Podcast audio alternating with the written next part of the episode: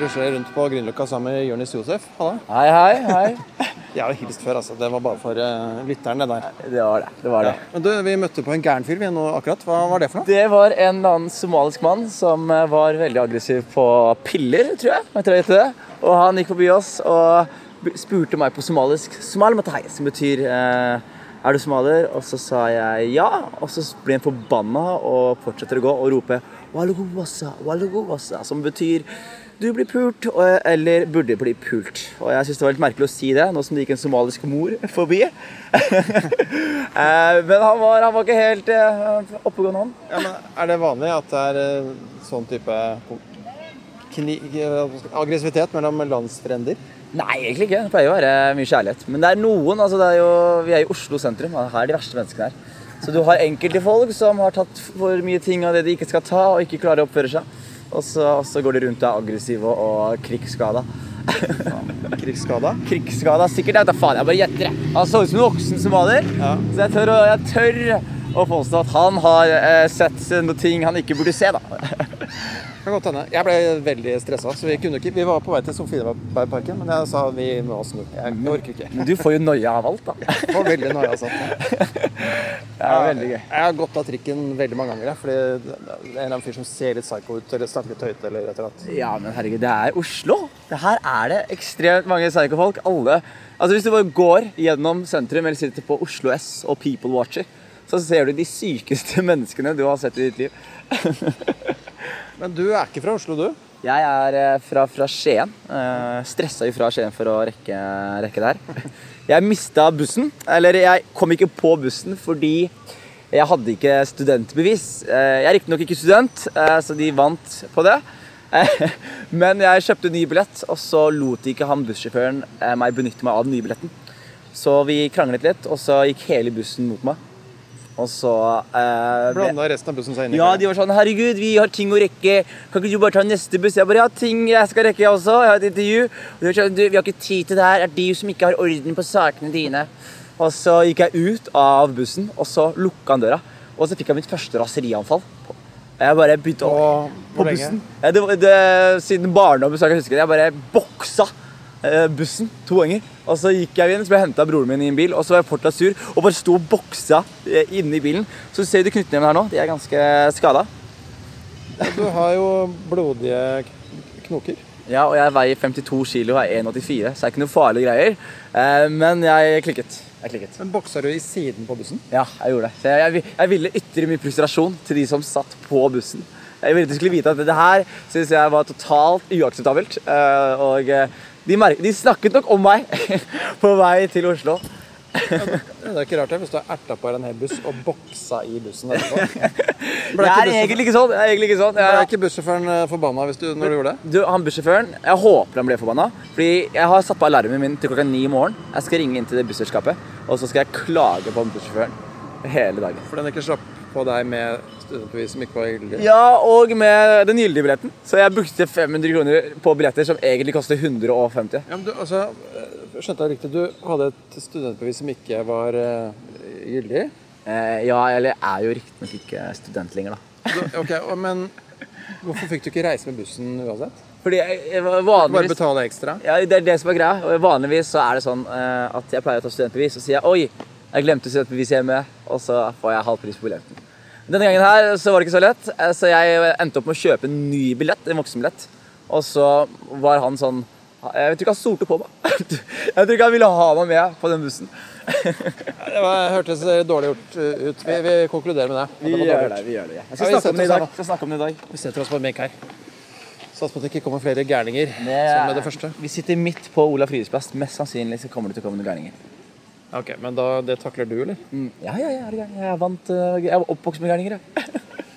ja, men du, uh, du er fra Skien. Ja. Har du bodd der hele livet? Jeg er født og oppvokst i Skien. Uh, fra, fra, et sted som heter Gulset i Skien. Ja. Blant annet Jan Thomas og Bård er derfra. Men det er veldig drabante, da. Så det, når man sier Skien Telemark, så ser man for seg sånn, sånn type som Bondeland, eller uh, type som Hadeland eller Gjøvik eller sånne ting. Men Gulset er veldig spesielt. Det er litt som å være fra en av, en av bydelene i, i, Oslo øst. Mm, veldig mye minoriteter, fattige mennesker. Eh, lav inntekt på de som bor i områdene der oppe. Så det blir fort da eh, altså ja, samfunnets lugubre Det er skyggesiden av samfunnet. da, kan man fort si. Mm. Gettoen. Ja, og hvordan var oppveksten der? Det var veldig hyggelig. Eh, helt, helt fantastisk, egentlig. Vi, vi var et miljø med veldig mange utlendinger, så vi merket på en måte aldri noen form for rasisme eller fordommer i en tidlig alder, som var eh, veldig behagelige. Eh, Jeg brukte jo 90% av dagene på å spille fotball. og spille fotball og henge med venner. Og vi, jeg hang mer med vennene mine eh, enn jeg hang med, jeg var hjemme og hang med familien. Eh, så det var eh, veldig gode tider, altså. Eh, mimrer tilbake og, og savner ofte det. Har den oppveksten forma deg som komiker på noen måte, eller? Ja, absolutt. absolutt, Veldig. Vi pleide faktisk sånn på vei hjem fra skolen og sånn. Eh, For jeg har tenkt mye på eh, hvor jeg har fått humoren min fra, eller hvor, hva slags humor jeg foretrekker og liker. Eh, og eh, en ting vi pleide å gjøre veldig ofte, var at vi, når vi gikk hjem fra skolen fra typ sånn tredjeklasse eh, til tiende klasse, så var vi en gjeng med 11-12 folk, og så bare roasta vi hverandre hele veien hjem. Og det var alltid om å være det morsomste, og om å ha best jokes. Eh, og jeg ble jo ertet mye for å ha et stort hode. Eh, jeg hadde et veldig stort hode på den tiden. Eh, og da var det sånn på den tiden, ja. Eller jeg har det fortsatt. Så skal jeg se ut som du har så veldig stort hode. Hvis jeg tar av meg capsen, så ser du at jeg fortsatt har stort hode. Men Jeg blir kalt Biggie, Bighead, Big Head, hode, hue. Det var ikke en ting jeg ble kalt. Og da var det viktig å, å komme med noe tilbake. Ja. så jeg merka at jeg de første vitsene jeg skrev, eh, hvis du kan bruke ordet skriving, da, de første vitsene jeg kom med, som jeg laget selv, det var i en sånn kontekst. Ah. Det syns jeg er litt gøy, egentlig. Det er derfor det er, er veldig mye av humoren min også er veldig sånn Vi, det var innvandrerting vi lo veldig av. Eh, Vi lo av på en måte gebrokne mennesker. Eh, Vi lo av eh, folk som hadde liksom identitetskonflikter. Gjorde vi litt narr av enten han som var veldig norsk, eller han som var veldig utlending. Og det er der humoren vår eh, fant sted. da. Eh, Så jeg merker jo at jeg arresterer meg selv i å snakke altfor mye på scenen om å være utlending, eller det om å være utlending, eller det om raser og sånne ting. Og det er fordi jeg eh, Det er der humoren min kom fra, da, om jeg kan si det. Bruker ordet. Men eh, ja, familien din, hvem bestod, hvem bestod det av? Ganske stor bunch, egentlig. Svær pack.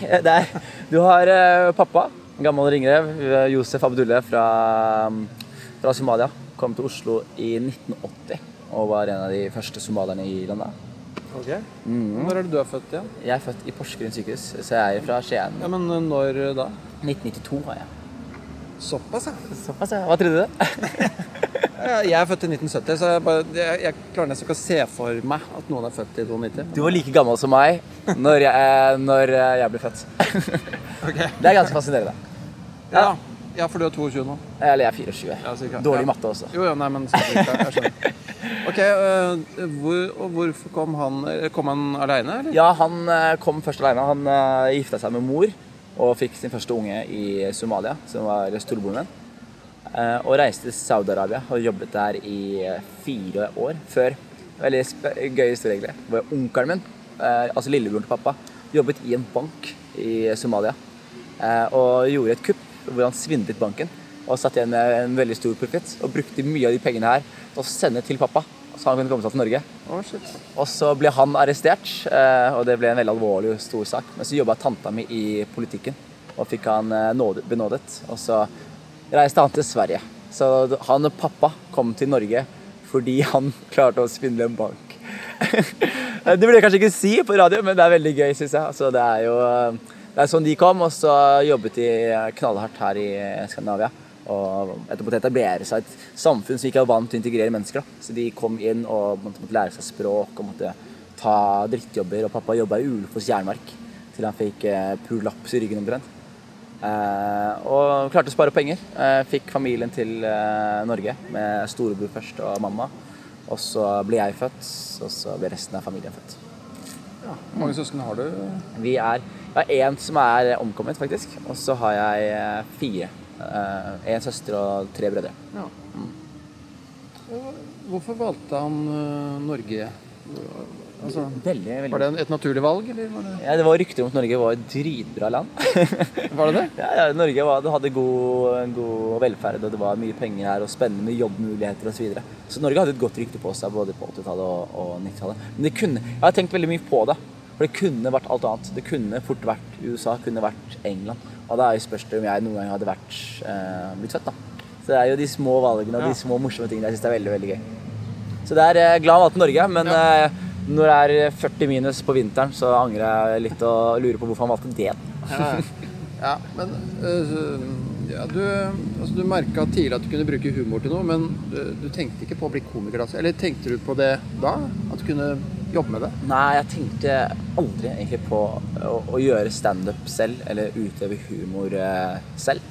Eh, jeg har alltid på en måte vært litt tynn og vært eh, veldig eh, hengt i store gjenger da, med folk og gjort veldig mye greier. Så for å på en måte klare å holde meg oppe sosialt, så var ikke jeg en fyr som kunne slåss for å holde meg oppe. Så jeg var, jeg var flink til å bruke ord og være morsom og var han morsom i gjengen.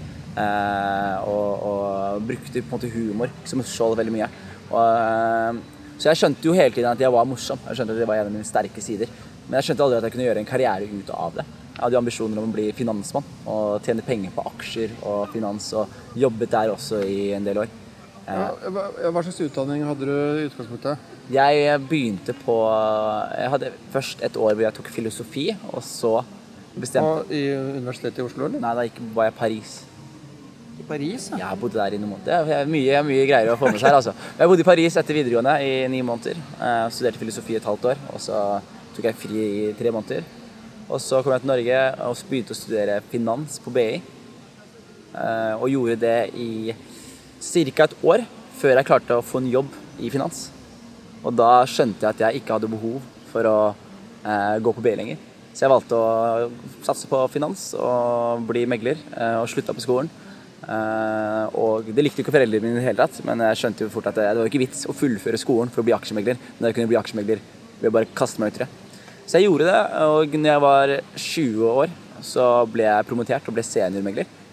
Eh, og så jobbet jeg som aksjemegler fra jeg var 20 til jeg var eh, 23. Og så var det ikke før jeg, var, i- før jeg på en måte hadde gjort standup i ca. halvannet år, at jeg bestemte meg for å gjøre det fulltid da når jeg så at det var mulig, og at det gikk an å tjene penger, og at det var en fremtid der, da. Ja. Og så likte jeg det også betraktelig mer enn jeg likte finans.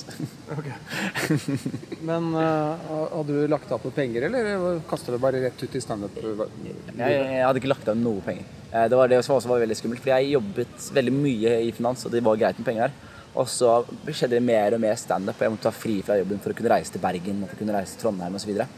Og så, når eh, Martin Beyer-Olsen og Lars Berrum skulle på turné, så tilbød de meg en spot på den turneen. Og da var det jo eh, veldig mange gigs i løpet av en måned som krevde at jeg ikke kunne jobbe omtrent. Så jeg sa ifra til sjefen at den måneden der ble hektisk, og da ga han meg et ultimatum hvor jeg måtte velge mellom å jobbe i, beholde jobben eller om jeg skulle gjøre standup. Og da var det det letteste valget jeg hadde tatt, og da takket jeg for meg og eh, kastet meg på, på turneen. Og så har jeg levd veldig fra hånd til munn siden, men det har vært veldig spennende. For du, du vet ikke hvordan det går neste måned før du, måte, neste måned nærmer seg. Og så er det sånn ah, det, det går fint likevel, ja. Så jeg vet jo ikke om jeg kommer til å overleve fint i oktober, men jeg vet at det, neste måned går bra. Ja, mm. sant. Så det er spennende. Frilanstilværelsen. Ja, fri, det er en veldig skummel tilværelse. i hvert fall Ja. For en fyr som er vant til å få fastlønn og på en måte vite at den datoen kommer det inn penger. Eh, og, den, eh, og skatt er allerede holdt av. Nå må jeg drive regnskap selv og holde av skatt. Og jeg er så dårlig på det her, til tross for min finansbakgrunn. Ja, det tar jo litt tid òg. Absolutt, absolutt. Man må være strukturert. Men øh, den første jobben din, da, hvor var det? Det var eh, Jeg jobbet Standup-jobben, da? Første standup-jobben. Ja. Eh, det var eh, på, på Josefines nykommerkveld. Ja. Ja. Og du bare tenkte at det skal jeg teste? Ja, jeg var på en date med en dame. Eller jeg kaller det en date, hun kaller det sikkert å henge ut med Jonis. Eh, men vi var på dattera til Hagen, og så på prøverøret. Og da var Lasse Gruber, som bl.a. skal være konferansier i dag, sto da. Adam T, og så var det tre andre jeg ikke husker. Det var en fyr som bomba noe så inn i helvete. Snakket om incest og abort og pedofili, og ingenting traff. Og så, når han gikk av scenen, så fikk han en applaus. Og da husket jeg, for jeg hadde sett en del standup på den tiden der, og jeg var sånn Applauderer folk det her? Hvis de gjør det, da skal jeg opp hit og levere noe gull. Og så eh, gikk jeg rett bort til eh, Joakim Skage, som eh, driver RDK, som var på prøver den dagen. Og var sånn Nei, du, jeg vil stå på senere, når det er neste gang det er sånn show. Var sånn, det er ikke sånn det funker. Jeg bare, ja, er det mulig å få, få stått da? Jeg vil stå og prøve. Han bare, har gjort standup før? Jeg bare, nei. Han bare, ok, men da må du melde deg på kurs. Jeg bare, og så begynte jeg å le. Og var sånn, skal dere lære meg å være morsom, sa jeg. Og så sa jeg, han ene fyren som sto og snakket om kreft, gikk han på det kurset også, eller? Og jeg syntes det var så gøy. Og så eh, skulle jeg på det kurset, men så hadde jeg ikke nok spenn akkurat da. Så da bare endte det med at jeg utsatte det i tre måneder. Men da endte det med at det var i tre måneder hvor jeg så mye standup og tenkte mye sted og skjønte at det her var et fag, da. Det var ikke bare å stå opp på en scene og snakke i fem minutter og være morsom, men det var jo å jobbe med vitser og det var en faglig tilnærming til humor som var helt ny for meg, eh, som hadde vært borti. Og så når jeg kom på det kurset, så eh, var det faktisk det, Kurset har fått mye kritikk av eh, veldig mange andre komikere. Eh, men selv så på en måte var det kurset eh, Det hjalp meg veldig på starten. For da gikk, i, slapp jeg å gå på alle de nykommerfeilene. Og slapp å gå i, i eh, Det gikk veldig, mye fortere da, enn det hadde gått ellers. Jeg hadde et sett etter eh, første gigen omtrent som jeg var eh, fornøyd med. Eh, og da var det på, på, på denne nykommerkvelden. Så vi, vi, det var masse venner, eh, masse folk. Jeg skulle ha sist på. Svetter og er nervøs og kjørte på. Jeg kjørte på som faen. Jeg, og det var så gøy, fordi alle mente at jeg var avslappa. Men eh, beinet mitt skjalv så mye at jeg måtte lene meg på ett bein. Så så det ut som jeg bare var så laid back. Eh, men i realiteten så var jeg jo pissnervøs. Men jeg ble bitt av basillen og, og sto eh, ekstremt mye standup etterpå. Altså. Gjør du det fortsatt, eller? Eh, hva da blir Er det mye Ja, eller begge deler. Blir blir du nervøs fortsatt? Eh, ja, men ikke på samme måte. Eh, da var jeg sånn jeg var, så, jeg var så nervøs at jeg ikke ville gjøre det. Jeg var så nervøs, var nervøs at jeg ikke forsto hvorfor jeg ville utsette meg selv for det. Eh, men nå er det sånn at jeg, jeg blir ikke nervøs, jeg blir mer skikka og, og fokusert og skjerpa og, og må på en måte ta det litt seriøst. da. Eh, og så spørs det også på hvor stor giggen er. Hvis det, hvis det er fem til ti folk i salen, så kjenner jeg ikke på nervene. Da bare snakker jeg. Men hvis det er en viktig gig, og du vet at det har kommet folk for å se på deg, og det er eh, viktig at du leverer, da, da merker jeg at okay, nå må jeg være eh, teit. Og jo mer seriøst jeg tar det, jo mer nervøs blir jeg. Men uh, hva, hva er det du ønsker å gjøre med standupen? Har du noen planer? Er det noe du, du ønsker å, å få til? Eh, ja. Eh, det som er litt greia, var eh, på jeg, har gjort stand-up i, jeg har ikke gjort standup i så lang tid, eh, og ting har gått veldig bra for meg. Det er kun to år. eh, og jeg har vært, eh, gjort det her fra første gang jeg sto på scenen. Eh, og på en måte merker at ting går veldig fort. da. Eh, og da på en måte fått lov til å stå på Latter, som var et mål av det. Eh, fått lov til å stå i andre byer, som også var et mål jeg hadde. Og står jevnlig og har hatt en del sett og fått skrevet mye osv. Og så er det jo sånn at når du først begynner å gjøre standup og ting går litt bra, så får du jo fort muligheter for andre ting som ikke er standup. Eh, typ sånn innenfor humor. Eh, hvor du kanskje kan skrive tekst der, eller være med på noen sketsjer der, eller bli med på casten på TV-program der, osv. Så, videre. så man mister litt fokus, da. Eh, og så var det jeg havnet jeg i et spennende valg for en måned tilbake, hvor jeg ble tilbudt rolle i en, eh, en dramaserie. Eh, Det var en storsatsing og var en veldig spennende greie hvor jeg skulle spille en karakter som var litt gøy, men det var på en måte ikke humor, det var, det var mer drama. Eh, Og etter å ha tenkt på det lenge og tygd på det veldig lenge, så takket jeg nei til tilbudet. Eh, Og tok avgjørelse om at jeg på en måte Jeg er ikke en skuespiller. Jeg er en standup-komiker, og jeg ønsker å gjøre standup. Så målet mitt er jo å bli den beste standup-komikeren i Hartlands. Og sette opp noen show som jeg på en måte kan være veldig veldig stolt av eh, når jeg ser tilbake på det. Har du noen tanker om øh, når du skal gjøre det? Eller altså, sette opp det første showet? Ja, jeg, jeg tenker egentlig å gjøre det allerede til eh, neste år. Slutten av neste år.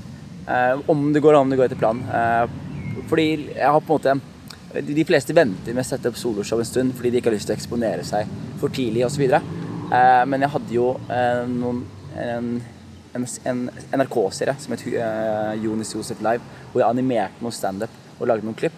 Og det her ble promotert og kom ut og ble eksponert til veldig mange mennesker. Så på en måte den eksponeringsbiten er jo allerede gjort. Så da er det jo bare viktig for meg å holde momentum oppe og fortsette å skrive og fortsette å gjøre ting. Og jeg merker at jeg skriver veldig effektivt nå og kommer opp med mye materiale.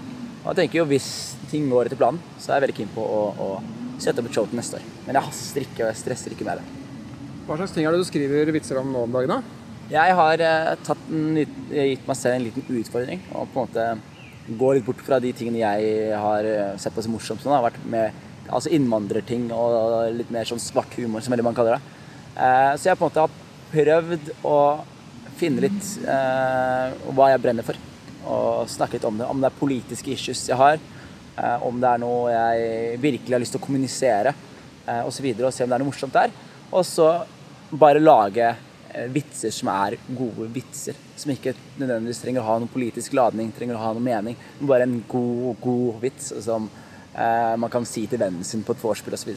Så, så jeg måte driver og eksperimenterer veldig nå eh, og prøver å gå bort fra det jeg har gjort, og gå bort fra det som har fungert veldig bra, bare for å teste litt nye ting og, og se om jeg kanskje finner en annen stil eller en annen tilnærming til standup jeg er komfortabel med. For det er som sagt veldig tidlig i, i karrieren, så det er eh, litt skummelt å på en måte allerede binde seg opp til at dette her er min stil og dette her er min måte å, å gjøre standup på. Eh, mens det er også litt skummelt å eksperimentere for mye når det er folk som vet hvem du er, og folk som på en måte har sett deg gjøre standup og har en viss forventning da, Mm. til uh, hva de skal se. Har du klart for deg hva du skal gjøre i dag, f.eks.? Eh, ja, jeg skal snakke om den bussen. Den jævla bussjåføren. Så står jeg her, og jeg bare venter litt. han bussjåføren er sånn Du, eh, hvor er den eh, billetten? Jeg er sånn, Den er på vei inn. Jeg bare Du må ut og ta neste buss. Og så står jeg der, og hele bussen er sånn mm -hmm. Du hørte han? Så jeg, så jeg går ut med alle tingene mine, og jeg bare begynner å merke at nå, nå rager jeg. Nå klikker jeg. Nå blir jeg så varm i trøya. Så jeg står der, og så er jeg sånn og så, begynner bussen å gå, og så begynner jeg å slå etter bussen. føler jeg på meg at det blir litt lavterskel i dag. At det blir litt færre mennesker som kommer osv. Og, så og da prøver jeg hele tiden å ikke kjøre et sett. Eh, bare være litt til stede og improvisere litt og snakke og være veldig til stede. Fordi der, jeg føler at et rom som er under 10 folk, eh, under 15 folk, hvis man da på en måte er i et sett og er i en greie, så blir det veldig uorganisk og blir litt sånn eh, litt rart å følge med på. Eh, Men jeg liker å improvisere litt og teste ut noen av de vitsene jeg har jobbet med i det siste. Og, og ikke skrive et sett, men bare se hvor du går hen. Og bare holde meg til tiden. og se hvordan det går. Jeg har, ikke, jeg har ikke planer om å drepe i dag. liksom. Vi skal gjøre stand begge to i dag, faktisk. Det er på Rebell. Er du klar, da? På Løkka. Hva? Er du klar, da? Ja, jeg har også noen eh, litt løse tanker om hva jeg skal gjøre. Og det er noen litt nye ting jeg har lyst til å teste ut. Ja. Men veit du hva du skal snakke om sånn cirka? Har du sånn, noen punkter, eller tar du det der og da? Eller hvordan, hvordan legger du det opp? Jeg er øh, veldig dårlig sånn sett. Jeg skjønte veldig tidlig at måte, min måte å lage en vits på er ikke å sitte meg ned og skrive ut vitsen med bokstaver og øh, setninger. Det er mer det å på en måte komme opp med en morsom tanke, og så prøve å forklare hvorfor den tanken er morsom. Eh, altså premiss, men ikke en punchline, men mer en forklaring på hvorfor det her er morsomt. Eh, som gjør at jeg jeg, jeg kan gå jeg, har en idé nå om at eh, det er ramadan, og at jeg var i Lofoten for en uke siden, hvor sola ikke går ned. Som gjør at du strengt talt ikke kan spise i det hele tatt. Og det syns jeg er en morsom tanke. Og da er det på en måte ideen min å snakke om den tanken, men å finne ut hvordan jeg spiller den ut, er å gjøre det gjennom karakter. eh, Spille karakterer, gjøre det gjennom å ta en konkret Det føler jeg litt på når jeg er på scenen. Men det er jo ramadan nå, visste dere det? Ja. Og visste dere at sola ikke går ned i Lofoten? Jeg var ikke så tynn før jeg stakk, folkens. Så nå sier jeg ikke ramadan karim, jeg sier skål, jeg, folkens. Skal dere? På tirsdag. Men sånn som eh, standup Grünerløkka, hvor du er veldig få mennesker som kommer osv., så, videre, så er det en veldig fin plattform til å bare kaste seg ute. Eh, legge opp premisset, prøve en punchline. Fungerer det ikke? Nei, ok, tanken var fortsatt gøy. Vi prøver på en annen måte neste gang. Eh, så, det, så jeg skriver veldig sjelden en settliste. Eh, og skriver veldig sjelden hvilke vitser jeg skal ta. Men jeg kan drive og tenke litt i hodet mitt. bare sånn, ja, Det syns jeg er gøy. Ja. Det synes jeg er gøy. Så prøver jeg å finne ut hva jeg syns er gøyest akkurat nå, okay. og så snakke om det. Hvilke andre ideer er det du kanskje kommer til å ta i dag, da? En, det er en idé som jeg har jobbet mye med de siste to månedene, som jeg syns er veldig gøy. Og det er det at folk tenker jeg, Altså, jeg møtte en fyr på Som er sant, da. Jeg møtte en fyr på Grønland som snakket gebrokkent norsk. Han snakket også gebrokkent eh, somalisk. Så, så, så, så jeg fikk en tanke om at han fyren her har et språk inni hodet hans som er gebrokkent. Altså at han tenker på et gebrokkent språk. Eh, og det premisset syns jeg er kjempegøy. Og så har jeg på en måte jeg har vært på scenen og tatt den vitsen der kanskje 15 ganger. Men hver gang jeg tar den, så forklarer jeg hvorfor det er gøy på en annen måte. Eller på forskjellig måte. Det vil si at han fyren her nå, Abdi, går rundt i Oslo og tenker på et gebrokkent språk. Vet du hvor useriøst det er? Se for deg han står utafor Narvesen nå, akkurat nå, og bare sånn Ta tre boller og betal for to. Hvem skal ta siste bollen? Nei, nei, Narvesen, dere lurer ikke meg. Bedre forsøk neste gangen. Altså, det er masse forskjellige måter å gjøre det på, eh, men jeg syns det er en veldig gøy måte å jobbe med vits på. da. At du på en måte, ok, Jeg vet at tanken er gøy, men hvordan den tanken, eh, hva som er gøyest med den tanken, det skal jeg eksperimentere meg fram til ved å stå veldig mange ganger i neste måned. Ja, og så ser du hva som funker litt på sikt. Men du er, jo, er du den første somaliske komikeren i Norge? Ja, jeg tror faktisk jeg er det. Eh, Det er meg og en annen som heter Ahmed Mammo, veldig flink fyr han også, som gjør det. Men jeg tror jeg begynte litt før han. Så da er jeg vel den første somaliske komikeren i Norge. Ja, det, altså, det er vel ikke det man forbinder først og fremst med folk fra Somalia heller, at de er komikere. Og det, det syns jeg er eh, veldig synd, fordi eh, fordomsfullt av meg, kanskje. Ja, men vet du hva, Det er en riktig fordom, men jeg synes også det er en veldig synd fordom. Fordi somaliere er noen av de morsomste folkene jeg vet om. Sånn Hvis du er i en somalisk kontekst og folk sitter og snakker, så er det alltid om å være frekk med andre. Man kaller det, eh, altså Ikke frekk, sånn slem frekk, men sånn i morsom frekk. Hvor man skal gjøre, gjøre narr av andre, roaste andre, eh, være litt eh, lang i leppa. Eh, og bare kødde med folk. da. Eh, og på en måte alle som ikke har en tykk hud i Somalia, blir sett veldig ned på. Du må tåle å få dritt slengt deg, så må du ha noen comebacks osv. Og, og det er eh, i alle settinger, typ, hvis man sitter i begravelser, hvis man sitter i bryllup, alle kontekster, så er det alltid humor involvert. Og det er veldig viktig for folk som på en måte er vant til så mye krig, og så mye kaos, og så mye eh, problemer som skjer. Så er det viktig at man på en måte har humor. At man kan le av ting, og at man kan kødde det bort og ha tykk hud. da.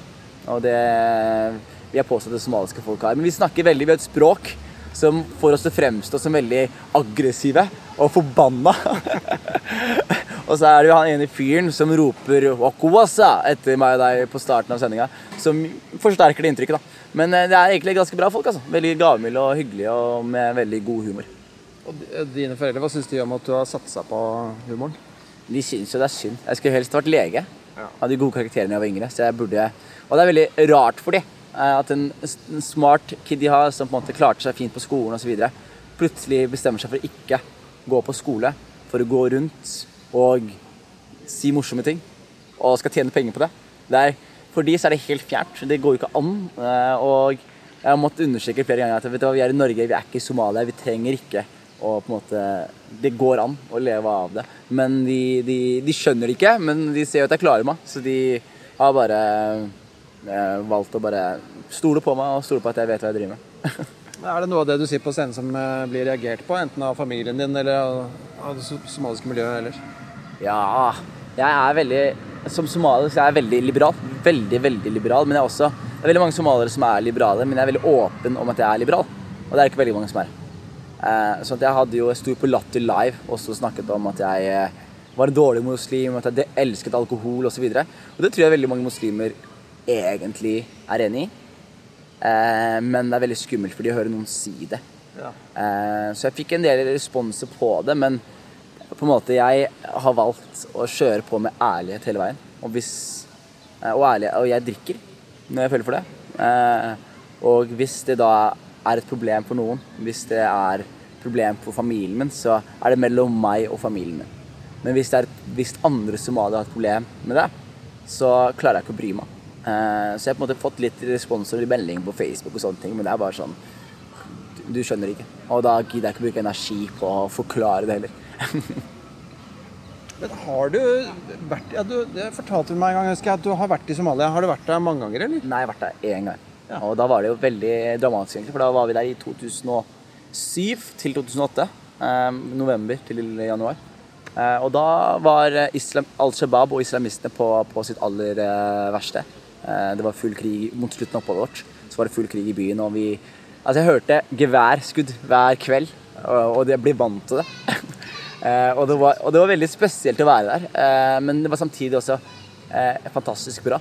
Fordi det var ikke sånn at det bare var krig og kaos hele tiden. Men i området vårt så var det fredelig, og folk hadde det fint, liksom. Og vi plukka mango fra Spiste fersk mango, dro på stranda og bada. Kjørte bil rundt og da, drakk whisky og hadde det gøy. Og det, det, det, er, det er synd det er krig der, fordi jeg ville gjerne hatt det som et fast feriested. Men det er blitt bedre nå, da. Og jeg har veldig mange venner som er der nede nå og, eh, og har det veldig bra. Det er veldig, veldig greit og koser seg. Det er McDonald's der nå. Det er faktisk det. De har Big Macs i Somalia. faktisk ikke trodd. Nei, det hadde du ikke trodd i det hele tatt. Men de har Big Macs i Somalia. Så jeg, jeg, jeg tenker liksom McDonald's er en god indeks på om det er ålreit å være der eller ikke.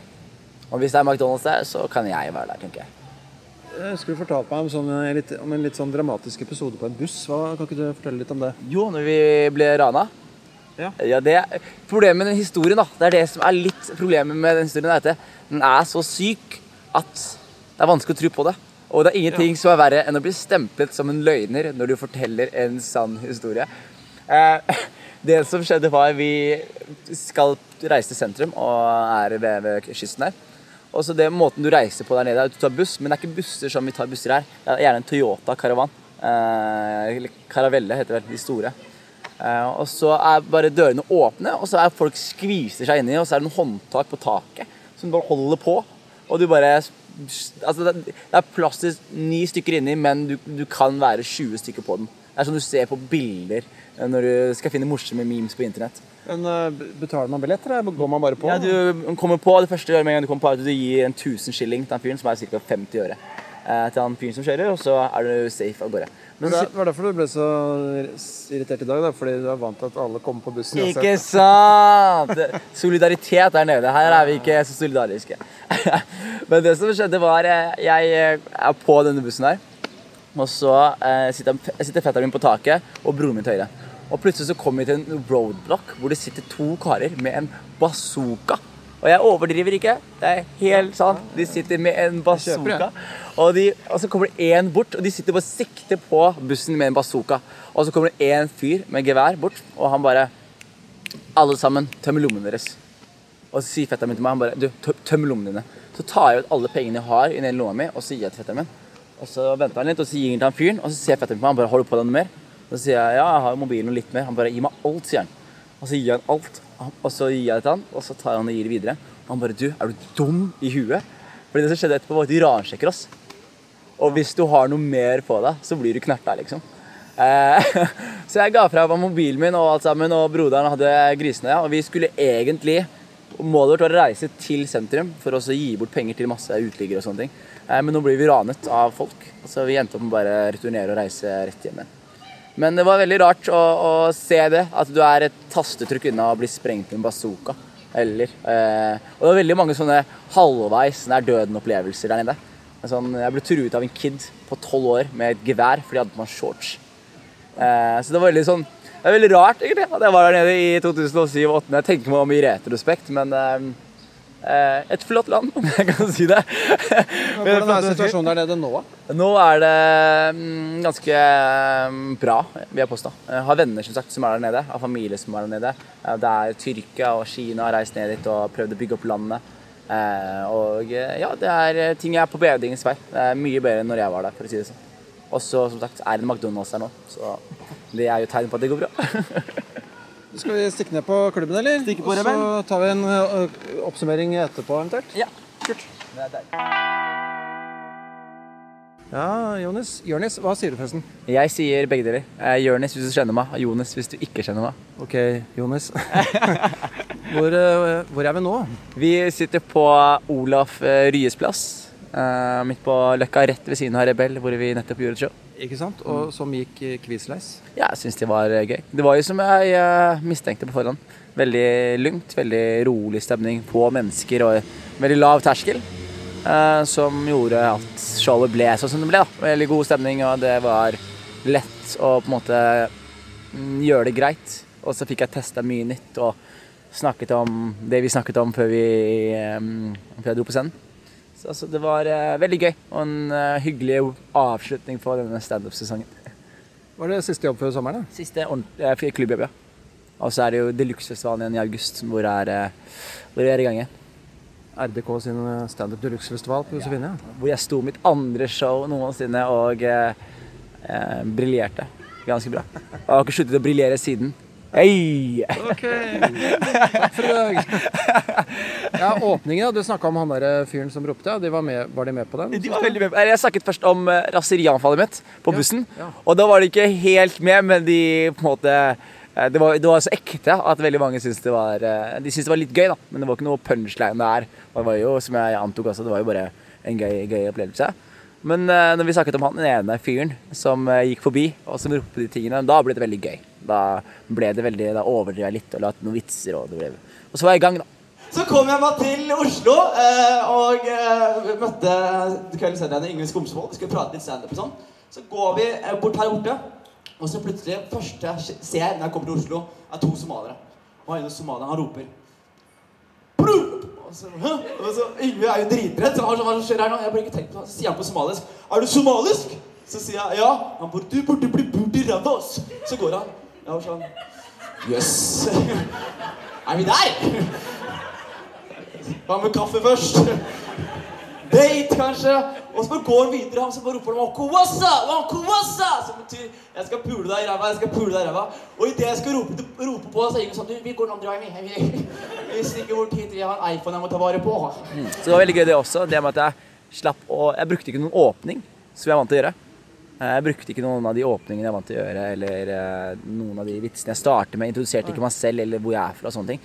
Og det er en ting jeg ønsker å på en måte fortsette å gjøre. da. For jeg får veldig mye billige applauser og latter for å bare si hva jeg heter og hvilken by jeg er fra. Det videre greiene Men det er ikke helt flunkende, men det er Nei, morsomt, det. det var eh, Jeg har på en måte hatt en annen variant av den vitsen her. Når jeg reiste til, når jeg reiste til Bodø i fjor, så hadde jeg en veldig morsom variant av den vitsen. Men nå så hadde jeg hodet mitt Vitsen var jo på en måte at eh, det var ramadan, og at jeg var i Lofoten, og at sola ikke går ned, og at det er derfor jeg er tynn. Eh, Det var det som på en måte var vitsen.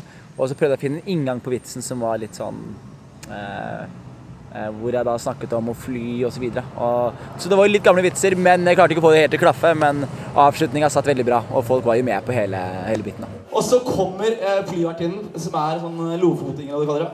Det er sånn, ja, og hva kan jeg hjelpe deg? Veldig dårlig dialekt, folkens. Veldig dårlig dialekt. Jeg tar det på min kaffe. Vi prøver. Vi bare, kan jeg hjelpe deg med? Jeg sånn, eh, Jeg hadde ikke noe settliste, eh, så det bare ble impulser som kom eh, underveis. Og da var den tenke gebrokkent-biten den tok jeg. Den syns jeg var kjempegøy med folk som tenker gebrokkent og snakker dårlig norsk og dårlig somalisk. Og så snakket jeg om onani i militæret. og eh, onani med, med lyder hos naboen. Og så valgte jeg å gå av på den, om jeg husker riktig. Hvor da fikk jeg applaus og latter, og da var det sånn ja ja, da bare gir vi oss her i stedet for å strekke det i tre-fire minutter til. velkommen til mitt liv, og tusen takk for meg. Det var fint, da. Jeg syns det var ålreit. det. Og så er det lavterskel. ikke sant? Og det, det eh, liker jeg egentlig veldig godt, for da kan jeg bare kose meg litt og ikke stresse så mye med hvor, hvor, hvor bra det skal bli. da. Og Fikk du testa noe som du Fant du ut noe om hva du skal gjøre videre med noen tekstene? Ja, en tanke jeg også hadde kom gjennom hele vitsen også, var på en måte Jeg prøvde hele tiden å snakke så lite som mulig om at jeg er innvandrer. Og så når jeg kom på den tenke gebrokken-biten, så fikk jeg sånn Nei, faen! Og så eh, avsluttet jeg med onani-greiene, bare for å komme meg ut av det. Og målet for på en måte resten av året er at jeg, jeg vet at jeg klarer eh, innvandringsvitser veldig gøy, og rasevits veldig gøy, og eh, selvironi veldig bra osv. Så, videre. så jeg på en måte bare får prøvd eh, litt annen tilnærming til standup og se hva annet som funker. Og hva annet jeg klarer. Og på en måte utfordre meg selv litt. da, Ikke safe det hver gang og gå for latter som jeg vet jeg får. Du, hva skal du gjøre i sommer, da? Sommer så er det noen firmajobber her og der, men ellers så skal jeg slappe av. Bare ta det skikkelig med ro. Og jeg snakket mye med det- andre komikerkollegaer om på en måte å skrive i sommer og sånne ting. Og fikk gode tips, så var jeg bare ikke skriv. Bare ta det helt med ro. Slapp av, len deg tilbake, få litt inspirasjon, og så begynner du å jobbe igjen når du begynner å jobbe igjen. Så jeg har juli Jeg skal i noen festivaler og gjøre noe helt Jeg skal jobbe med noen kameragreier og dekke noen festivaler osv. Men det er ingenting med standup å gjøre. Så det tror jeg kan være en, et veldig ålreit avbrekk. da, Å bare få kobla litt ut og få litt perspektiv igjen. Kult, det.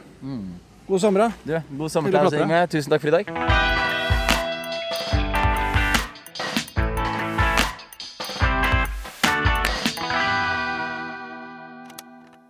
Produsert av